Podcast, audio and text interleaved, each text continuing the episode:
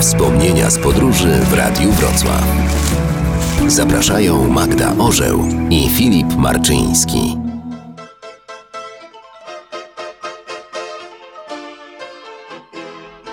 Raz nie wytrzymaliśmy na wietnamsko-kambodżańskiej granicy. Na takiej górze widokowej podsłuchaliśmy, jak grupa Kanadyjczyków z prawdziwym oburzeniem utwierdza się w przekonaniu, że w Kambodży jest prawdziwa drożyzna.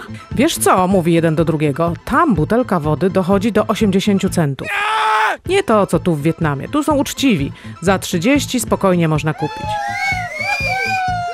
No więc nie wytrzymałam i pytam. Ej, a ile w Toronto za butelkę w miejscu turystycznym? 3 dolary? 4? Więcej? No tak, ja wiem, ale wiesz, kontekst powiada. Dobra, mówię, kontekst kontekstem, ale oni tam próbują przeżyć, a nie przerobić cię na 20 centów. Tak, tak, masz rację, odpowiedział na odczepkę. Ale fakt, to się trochę udziela. Kontekst. Kiedy w jakimś kraju jest tanio, inaczej liczy się pieniądze. Kiedy byliśmy w Wietnamie, butelka miejscowego, robionego przez Francuzów pijalnego czerwonego wina kosztowała w knajpce około 7-9 zł. Kiedyś w takiej dość eleganckiej restauracyjce w Hanoi przeglądaliśmy kartę. Patrzę i mówię do Magdy, patrz, zgłupieli tu już 15 zł za butelkę da lata. Idziemy stąd. Tak się nie robi.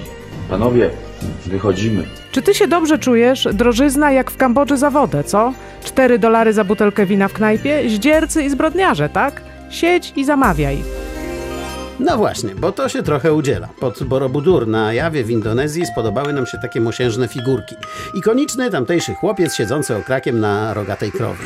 Wzięłam dwie do ręki i oglądam. Dziewczynka sprzedawczyni na oko dwunastoletnia poderwała się, by zachwalać towar. Ile? Pytam. 50 tysięcy, mówi. Nie byłam pewna, czy mam ochotę na zakupy i odstawiłam figurki. Dziewczynka złapała towar i zaczęła iść obok nas. Okej, okej, 40,000, good price, very cheap, only for you, 40,000, zachęcała. I tak szła za nami przez cały długi parking. Okej, 30 tysięcy mówię, bo coś jednak wypadało powiedzieć. Mała posmutniała. Nie, nie, 35, 30 nie, 35 bez price. I nagle coś do mnie dotarło. Hej, czy ja się z tym dzieckiem targuję o 30 centów?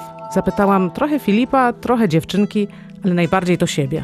I tak figurki zmieniły właściciela za początkową kwotę. Pełne 50 koła indonezyjskich rupii. 2 euro 86 centów po dzisiejszym kursie. Wtedy mniej. Dziewczynka rzuciła się wydawać resztę z tej pięćdziesiątki, ale kiedy ją dostała z powrotem, nie była specjalnie zdziwiona. Może doszła do pewnych wniosków wcześniej niż my.